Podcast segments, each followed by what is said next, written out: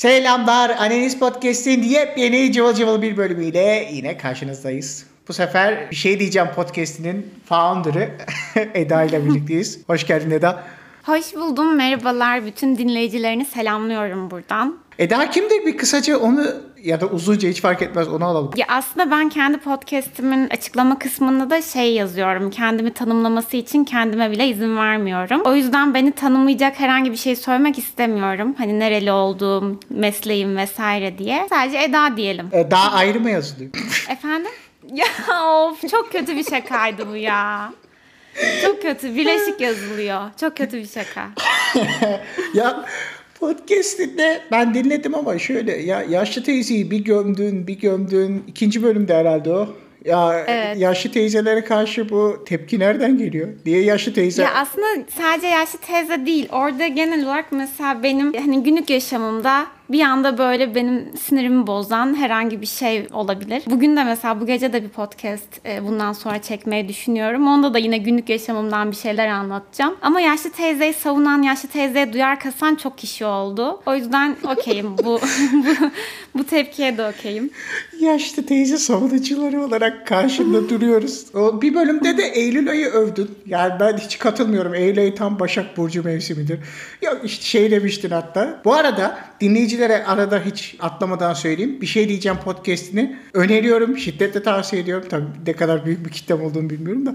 Ee, Çok teşekkür ederim. o bölümleri dinleyip tekrar devam edebilirsiniz. Bunda bir sıkıntı yok. Ama bir bölümde de Eylül ayını övdün. Ama Eylül ayı böyle depresyon ayı değil mi ya? Ya ben orada şey diyorum, o da çok tepki aldı. Genelde hep benzer şeylerden tepki alıyorum. Eylül nörtler için e, e, hani yılbaşıdır diyorum. Gerçekten de öyledir. Yani hani böyle okula heyecanlanan, çalışkan, e, işte inek dediğimiz insanlar için Eylül yılbaşıdır yani.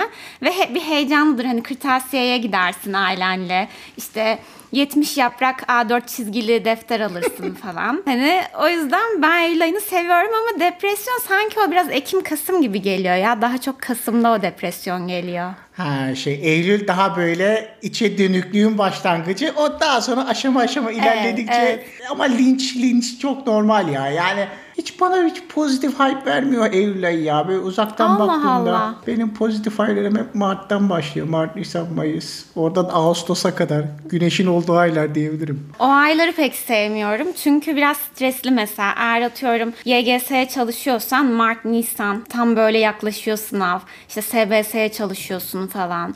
O aylar bana mesela çok şey gelmiyor. Benim bütün hayatım ders çalışmakla geçtiği için bütün ayları ona bağlamış olabilirim. Bunu şeye bağlayacağım. Hani çok çalışma nörtlük. Nörtlüğün de Türkiye'de genelde iki sonucu oluyor. Hani ya tıp okuyorlar insanlar ya hukukçu e, ya da hukuk mezunu oluyorlar. Tamam karşımızda bir tıpçı var. Daha doğrusu bir doktor var.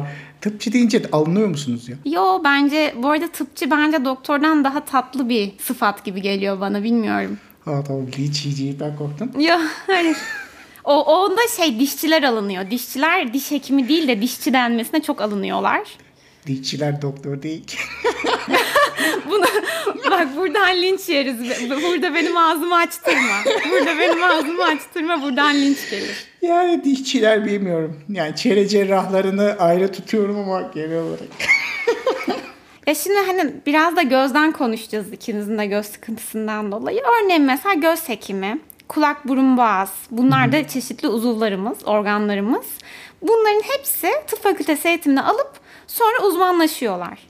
Diş hekimleri herhangi bir basic tıp fakültesi eğitimi olmadan sadece diş üzerine uzmanlaşıyorlar ve hekim olduklarını iddia ediyorlar.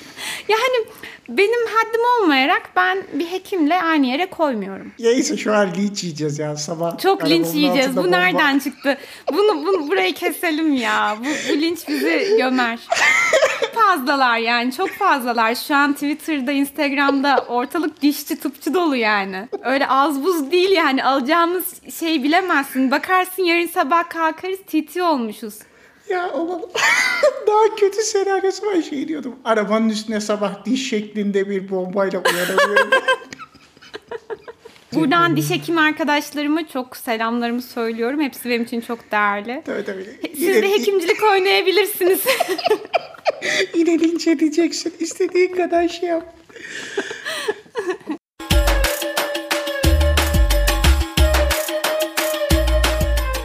Ya madem şey oldu tıp sektörüne veya sağlık sektörüne niye el atmayalım dedim. Açılım ben doktorum çok havalı değil mi ya? Bunu yaptın mı hiç? Aa, hiç yapmadım. E, ama fakültede okurken şeyi çok istiyordum. Her uçağa bindiğimde keşke bir kalp krizi geçirse ve hani çağırsalar ve ben de hani orada kahraman olsam çok istiyordum. Hiç başıma gelmedi. Sadece yakın zamanda başıma gelen tek bir şey oldu. İstanbul'dan aslında bu yaşlı teyze olayında, yaşlı teyze olayında trene bindiğimi söylüyorum ya. dönüş tarafında trendeyken anons geçildi. İşte hekim, sağlık çalışanı var mı diye. Kulaklıklarım takılıydı. Duydum o sırada. Dedim ki hani ben öyleyim. Sonra gittim e, işte birinin midesi bulanıyormuş. İşte bir önceki akşam herhalde alkol kullanmış. Hani acaba zehirlendim mi? falan diye. Ona işte bir müdahale ettik. Orada da şöyle komik bir şey oldu. Tren görevlilerine ne deniyor? Hep o hostes gibi olanlara bir şey ismi var onun ama. Kondüktör hani mü? muavin ve hostesin eşleniği. Trendeki Evet eşleniği. evet. Kondüktör değil mi ya? Ben mi yanlış biliyorum? Bilmem kondüktör değilmiş gibi geliyor ama. İşte o kişi şey getirdi. Tansiyon aleti getirdi. Bu eski hani babaannelerimizin zamanında kullanılan var ya böyle şişiriyorsun şöyle şöyle şişiriyorsun.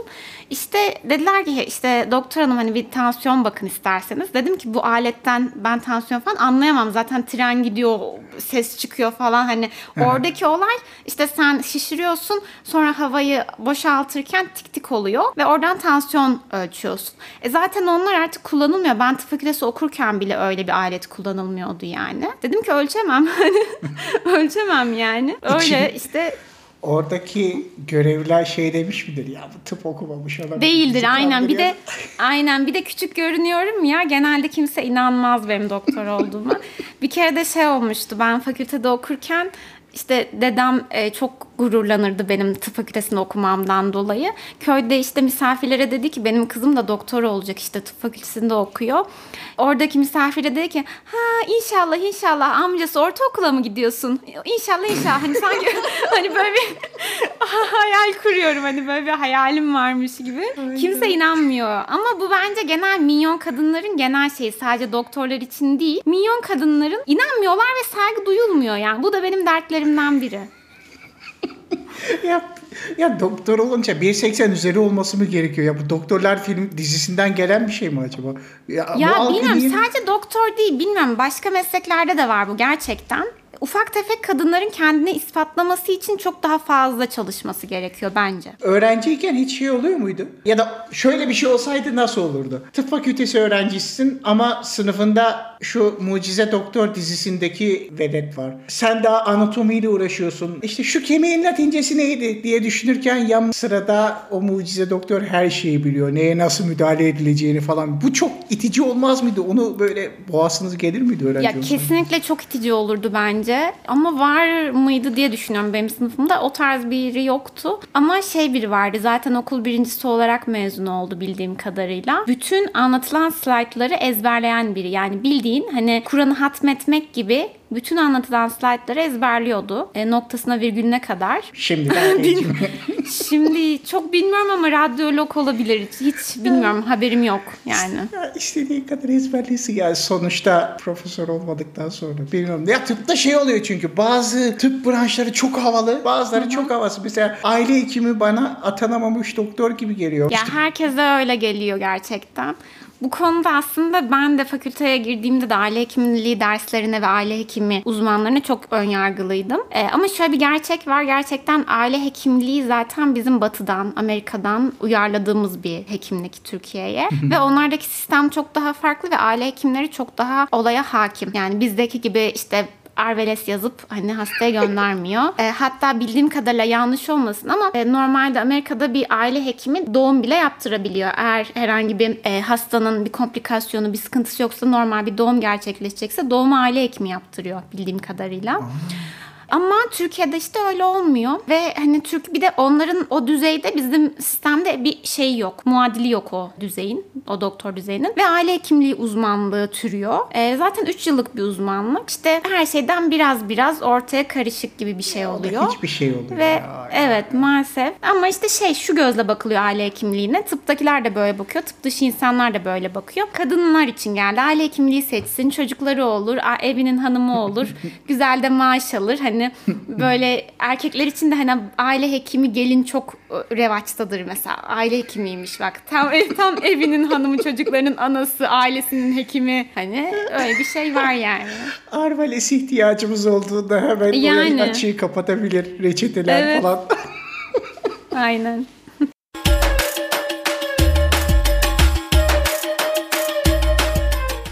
Ya benim doktor olarak öyle bir şey ya. Doktor kutsi ya. Yani bir doktorun gelebilir. Bir Doktor Strange o Amerikan profili. Türk profilinde de do- ya doktor kutsi ya. Yani doktorluğun Doğru. şarikası. Bilmiyorum uzmanlığı neydi onun? Beyin cerrahı o. İşte işte yani aile hekimi olsaydı öyle havalı olmazdı. Tabii canım. En havalı sağlık branşı hangisi? Ya şu anda bu çok fazla değişiyormuş hocalarımızın anlattığına göre ama şu anda galiba plastik cerrahi ama bu da biraz yine bence cinsiyete göre değişiyor. Bence erkekler için plastik cerrahi, kadınlar için dermatoloji şu anda. Ama Ve zaten TUS'ta en yüksek puanları olan bölümler de bunlar. ya ben ilk duysam çok havalı dediğim beyin cerrahisi derim. İşte kalp damar cerrahisi derim. İşte Şu yok. ismi havalı yine nefroloji derim. Ama yani son bu tecrübelerimden sonra göz hekimliğini çok üste koyarım. Ama plastik cerrahi çok havalı durmuyor ya. Böyle dışarıdan böyle... Ya şöyle o da aslında öyleymiş işte Ee, bir bizden belki bir 20 yıl önce gerçekten öyleymiş. Ben de hatta küçükken çocukken kendimi hatırlıyorum. Bir aile dostumuz da vardı. Beyin cerrahıydı ve böyle gerçekten çok zengindi yani. Her anlamda çok zengin ve çok bilgili, çok başarılı bir insan gibi duruyordu. Hala öyle de benim çocukluğumda benim gözümde çok daha büyüktü. Ben de hep ben beyin cerrahı olacağım derdim.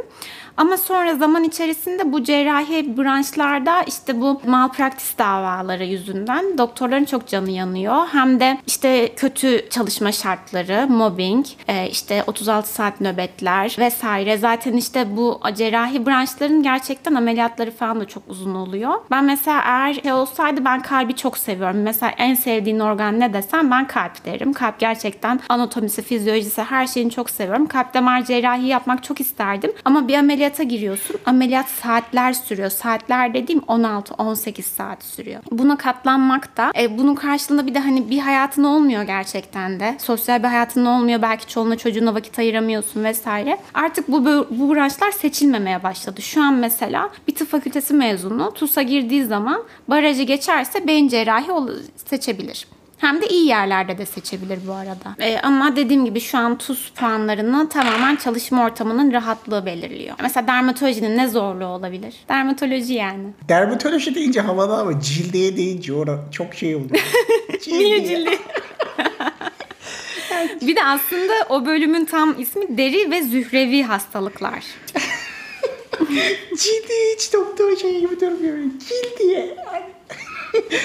Hukuk birinci sınıfta herhalde veya ikide bir şey öğrendik. Tıpla alakalı çok eski bir kanun var. Tababet ve şuabatları sanatlarının tarzı icrasına dair hakkın veya dair kanun veya hakkında kanun 1920'lerde. Ben onu gördüm. Ulan dedim ben ya acaba yanlış bölüm mü seçmişim yani. Sırf kanunu bile bu kadar havalı olan e, bir bölüm halen de yürürlüktedir bu arada. Ee, bence zaten bu arada sırf kanunu havalı dedin ya. Bence zaten doktorluğun sırf dıştan görünüşü havalı. Gerçekten. Hani Niye işte kanunu havalı. işte dışarıdan benim kızım doktor demek çok havalı. İşte ya da ne bileyim işte o önlüğü giyip o koridorda dolaşmak çok havalı. Evet. İşte ama onun dışında hiçbir havalı kısmı yok bana sorarsan bence. Niye ya? Niye gömdün? Niye gömdün? Ya işte e, gerçekten dediğim gibi çalışma şartları çok kötü. Mobbing var. İstediğin hak ettiğin parayı alamıyorsun. Bilmiyorum ben ama bu arada benim hani ben şu an aktif doktorluk yapmıyorum ama benim doktorluk yapmamamın hiçbir sebebi bu değil. Ben sevmiyorum. Bana göre bir olay değil. Ben yapmak istemediğim için yapmadım ama burada çok ayrıntıya giremem çünkü bunu bir bölümde kendi podcast'imde açıklayacağım. Şu an bir pilot twist dedik. Buradan hemen oraya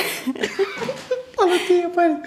Anestezi el altında doktorlar bir iç anestezi şey yapıyorlar mı ya? Çok var bu arada. Temin edebiliyor muyuz? duymuşsunuzdur. Duymuşsunuzdur şey genelde e, anestezi hekimlerin, anestezi uzmanlığı yapan hekimlerin ve anestezistlerin, uzman hekimlerinde e, intihar oranları çok fazla. Evet, Çünkü evet, e, o maddeleri kullanarak bağımlılığı bağımlılar da var. Bağımlı olmayıp hani kendini en kısa yoldan nasıl öldüreceğini çok iyi biliyorlar o hekimler. Acısız bir şekilde. O yüzden maalesef bu çok var. Bunun yanında şeyler de var. Çok ünlü böyle vakalar var. Hemşirelerin bağımlı olduğu bazı maddeler var. Açıkçası isimlerini bilmiyorum. Ya şey ama şimdi anesteziyle alakalı şey diyeceğim. Anestezi hissiyatı kaç defa tecrübe ettim ama hani hastalık nedeniyle tecrübe ettim. Çok havalı yani çok böyle değişik bir şey. Havalı değil. Havalı kelimesi doğru değil de.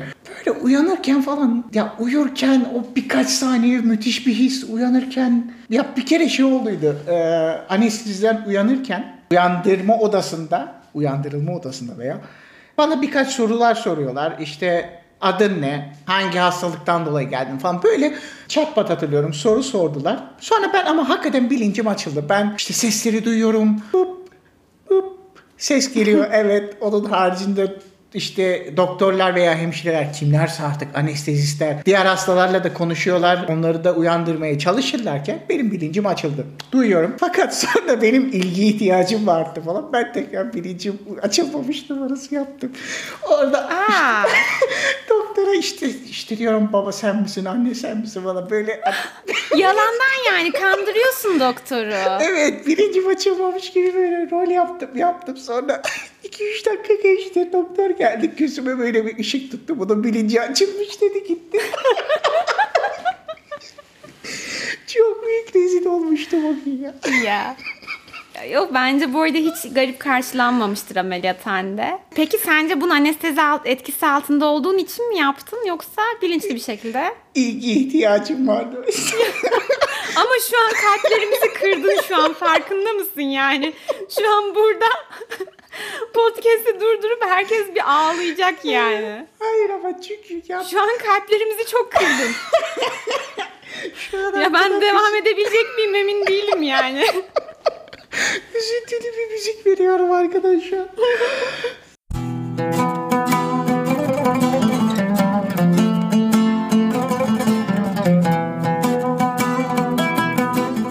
Ya bana geldi. Çok az benimle ilgilendi. Yan taraftaki hastaydı. Uzun uzun ilgilendi. Kardeşim benimle de fazla ilgilenin. Ben de aynı parayı veriyorum. Benimle de fazla ilgilenin. Ay bir de ben tahmin etmiyordum ki gözüme ışık tuttuğunda nasıl anlıyor ya. Kardeşim ben tamam gözüm o an refleks verebiliyor olabilir ama ben o an belki bilincim açılmadı kardeşim sen niye hemen aa bunun bilinci açılmıştır böyle soğuk bir ses tonuyla gitti.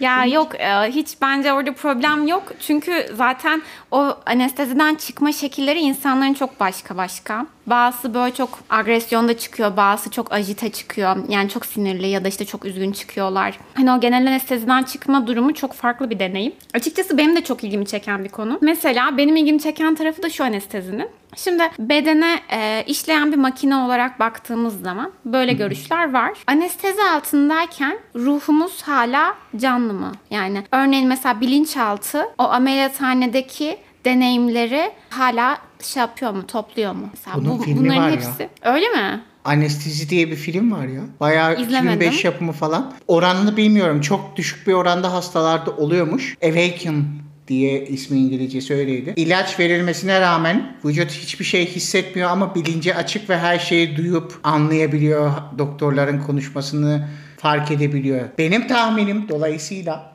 tamamen uyduruyorum. Şu an tamamen böyle her çokolog olarak bir yorum yapmak istiyorum. E diyorum ki bence orada insan ya bilinç veya ruh ve veya ruh o an mevcut fakat onların dış dünya ile iletişimi kısıtlı diye tahmin ediyorum. Ya işte orada da şöyle bir nokta çıkıyor. Zaten biliş dediğimiz ya da bilinç dediğimiz yani aynı şey değiller ama bir- birçoğu zaten bizim dış dünyadan aldığımız tümuslarla işliyor. İşte gözlerimizle görüyoruz, kulaklarımızla duyuyoruz, koku alıyoruz vesaire. Eğer onlar yoksa yani ben zaten dış dünya ile bir etki içerisinde değilsem benim bilincim ne? Yani ben bu tarz soruları anestezi açısından çok fazla sorguluyorum ve çok ilgimi çekiyor. Ama bunlar çok şey konular yani konuşsak sabaha kadar konuşuruz. Bir sürü fikir üretebiliriz yani. Yani anestezi konusundan sonra da üzüntülü sigara yakacağımı hiç düşünmezdim. Valla bizi sen üzdün ben üzmedim. Ben sadece düşünmeye sevk ettim. Ya tamam hayır düşüncelere sevk edilme, benim düşüncelere girme, uzaklara dalma. Yani ben anestezide gülüp eğlenmek istiyorum. Ben... Valla bizim bizim göğüs ciğerlerimizi dağlayan sendin. Yani ben hiçbir şey yapmadım burada. Gerçekten şu an kendini anestezi altındayken bile ilgiye muhtaç bir ponçik olarak dinleyicilerine gösterdin. Benim gerçekten yani şu an herkes böyle bence dinleyen herkes sana sarılmak falan istiyor. Aga. Ay bak şey adım da vardır anesteziden. Bu sefer hakikaten bilincim yerindeydi. Uyanırken bir başkasında bu sefer anesteziden uyanma anısı olarak. Bilincim yerinde sorulara yanıt verebiliyorum. Fakat ayaklarımı kontrol edemiyordum. Sürekli koşuyordum sedyenin içerisinde. Yani yan döndürülmüş haldeyim. Sürekli ama koşar pozisyondayım. O kadar depar attım resmen. Bildiğin orada. Ama doktorlar falan şaşırdı. Aa koşuyor dedi. E, ben doktora yanıt da veriyorum. Ben ama ayağımı kontrol edemiyorum dedim. O da şaşırdı. Herhalde milyonda bir görülen İşte şey olabiliyor yani e, kas hareketleri vesaire hepsi olabilir dediğim gibi. Hatta yanlış hatırlamıyorsam şimdi ben burada yanlış tıbbi bilgiler vermek istemiyorum ama insanların anesteziden çıkışları parmak izleri gibidir. Herkesinki farklı farklıdır falan derlerdi sanki. Ama bilmiyorum yani yalan buradan yalan atmış olmayayım. Uydurmuş da olabilirim. Ya bu anestezilerimin sebepleri zaten hani bazı dinleyiciler biliyordur ama bilmeyenler için hani gözle alakalı ameliyatlardı. Konuyu göze bağlayacağım. Bence göz doktorluğu en rahat uzmanlık dallarından biri. Ameliyat yapanı değil, sadece kontrol edeni. Ya hasta geliyor zaten göz tansiyonu dışarıda hemşire ölçüyor, geliyor. Orada çeneni dayıyorsun, izliyor, gözün içine bakıyor, retinasına bakıyor veya işte korneasına vesaire bakıyor ve bitiyor. Bu kadar. Bence çok rahat bir iş göz doktorluğu. Katılıyor musun? Ama şöyle o hani ameliyat yapanın da poliklinik yapanın da aynı kişi. Yani şöyle bir şansı yok. Ben göz doktoru alayım ama hiç ameliyat yapmayayım. Albayda öyle değil. Öyle mi? Evet evet benim doktorum mesela bir ameliyat yapan ayrı doktorum var. Bir de sadece kontrole gittiğim poliklinikte daha doğrusu muayenehanesinde çalışan ayrı bir doktor var. Ben Valla bütün- zaten diyorlar Almanya'daki doktorlar çok mutlu diye. Şu an anladık. Ha, çok rahat iş onu diyorum çok rahat ve 1, 2, 3, 5 5 kişi çalıştırıyor muayenehanesinde benim doktorum. 5 kişi evine ekmek götürüyor ve adam hiçbir şey yapmıyor aslında yani mis gibi iş. bir de şöyle ben çok katılmamamın bir sebebi işte dediğim gibi ameliyat da yapıyor Türkiye'de göz hastalıkları uzmanlığı olmak isteyenler yani. En azından uzman olana kadar belki uzman olduktan sonra bir özel hastaneye geçip hiç ameliyat yapmadan sadece poliklinik hastası bakabilirsin. Ama yine de o hani ışıkla korneaya falan bakıyorlar ya e, çok küçük bir organ ama çok fazla fonksiyonu var. En küçük yanlış yaptığın bir şey de yani hani. Ve bir de mesela şöyle karşılaştır hani kafanda oluşturman için söylüyorum. Mesela genel cerrahi düşün. Bütün karında çalışıyorsun. Açtın karını ameliyattasın. Bir hata yaptın düzelir yani anladın mı? Hani koskoca karın toparlarsın bir şekilde. Ama göz öyle mi? Hani Ben poliklinik göz doktorlarını kınadım sadece. Onlara Onlaraydı lafım. Ameliyat yapanlara Tamam. müthiş saygım var. Ee, Ben de hep şu oluyor. Muayene sırası beklerken göz doktoru odadan çıktığında veya herhangi bir şekilde onunla karşılaştığımda telefona bakarken beni yakalamışsa ben çok büyük bir suçluluk psikolojisinde oluyorum. Yani diyorum herhalde doktor içinden diyor bu salak bak yine hala biz o kadar şey yapıyoruz uğraşıyoruz. Bu hala telefonun derdi diye. Al uzak tut uzak tut diye içinden geçiriyor mu doktorlar?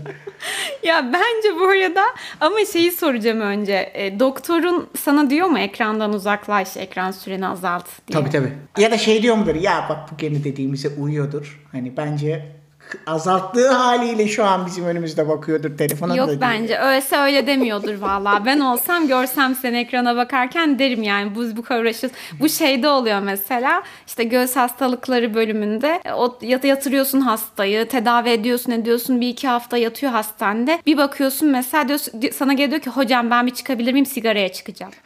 Kanka Hayır bu daha kötü ama ya. yani hani Doktorla Öyle. birlikte sigaraya çıksa daha kötü diyeyim. göğüs ameliyatını yapan doktorla karşılıklı sigara içen. Evet. Bu arada bende de şey oldu. Gerçekten bu ekran kısıtlaması çok zor oldu. Benim de göz ameliyatım. işte zaten bizi bir araya getiren şey göz ameliyatlarımız oldu. Ben de işte lazerle göz ameliyatı oldum. Görme bozukluğumu düzeltmek için. Aynı şekilde işte ekranda de, zaten dedi ki ilk gün hiçbir şekilde bakmayacaksın. Bakmadım. Ama yani sürekli tavan izliyorum. Hani o kadar sıkılıyorsun ki. E, bilgisayar yok, telefon yok. Sonra Kitap işte yasak. aynen kitap onu da sordum. Kitap da okuyamıyorsun. Sonra e, dedi ki doktor bana %50 azalt dedi ekran süreni. Hani dediğin gibi her ekrana baktığımda tabii ki süresini de sayamıyorum ama kendimi çok suçlu hissediyorum. Aşırı suçlu hissediyorum. Ya da işte kendime zarar mı veriyorum falan diye. E, Bir yandan da ama gerçekten de ekran süremizi azaltmamız gerektiğini artık yani görme bozukluğumuz ya. olmasa, göz ameliyatı olmasak da herkes söylüyor. Ama çok zor bu arada. Yani ben telefonu bırakıyorum, bilgisayarı açıyorum. Hele ki tek başına yaşıyorsan hani Ay, başka şansın yok. Telefondan, aa telefondan uzaklaşayım dedim geçen. Tablete bakıyorum. Tablet gidiyor. Evet. PlayStation oluyor bir et. Ama yani şeysiz bir anımızın ihtimali çok düşük. Ve kitabı da ortadan kaldırdığımızda, kitap da benzer Aha. etkide. Ve bunlar ortadan kalkınca ben ya dışarıya Sadece bakacağım uyuyorsun. sürekli. Sadece evet, uyuyorsun. Bu Evet. Başka hiçbir şey yok. evet hiçbir şey yok onu diyorum. Buna bir çözüm bulmaları gerekiyor. Yani podcast dinleye dinleye bir hal oldum ben zaten. orada. Aynen bu arada. Açıyorum sürekli. Bir yandan işte podcast'ı açıyorum. E, sıkıyor bir yerden sonra yani. Şimdi araya gireceğim. Ee, biraz zengin kalkışı gibi olacak ama dinleyicilerimiz açısından evet bu dakikadan itibarenki muhabbetlerimiz gelecek haftanın konusu. Gelecek haftaki podcast'te dinleyeceğiniz bir e, yayın olacak ama biz Hayda. Bitti mi? Şimdi bakın.